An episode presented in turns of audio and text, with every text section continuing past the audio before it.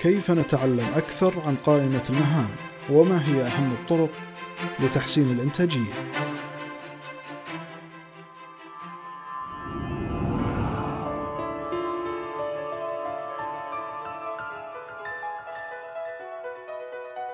حياكم الله حديثنا اليوم عن مهارة قائمة المهام وهل يمكن أن يكون لدينا أكثر من قائمة؟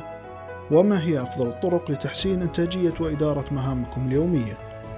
يقول ستيف ماربولي أعد تسمية قائمة المهام الخاصة بك إلى قائمة الفرص.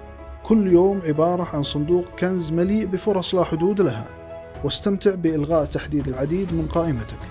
قائمة المهام هي أفضل طريقة لتحسين الإنتاجية ومن المحتمل أن الغالبية منا يستخدمونها لإدارة الأعمال وإنجازها وهي مفيدة كحيلة ذهنية للتحكم بالمهام الطويلة والصعبة جدا. ولكن يبقى أن هناك البعض يستخدمونها بكفاءة أكبر من الآخرين. لذا سنتعلم اليوم بعض الطرق البسيطة التي تساعدك على تحقيق المزيد من المهام بشكل احترافي.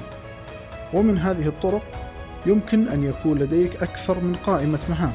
مثلا أن يكون لديك قائمة مستمرة وتكون غير محددة المدة وطويلة وقائمة للمهام التي تحتاج إلى إنجاز خلال فترة زمنية محددة وقصيرة.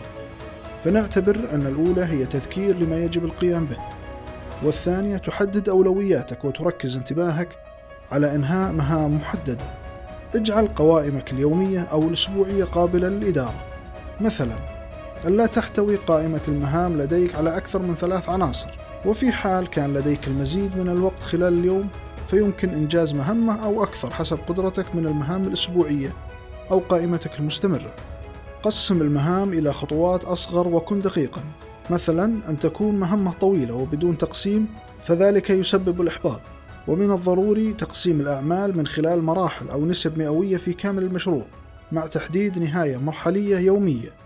حافظ على قائمتك محدثة ستحتاج كل يوم إلى خمس دقائق تقريبا لإتمام تحديث قائمة المهام وذلك بإقفال المنتهي ونقل المهام المستمرة إلى المهام اليومية ومن الضروري إزالة أي مهمة ملغية أخيرا اجعل قائمتك تعمل من أجلك وهو من خلال تركها مرنة وتخصيص وقت للتعلم والتسلية وتجربة الأشياء الجديدة.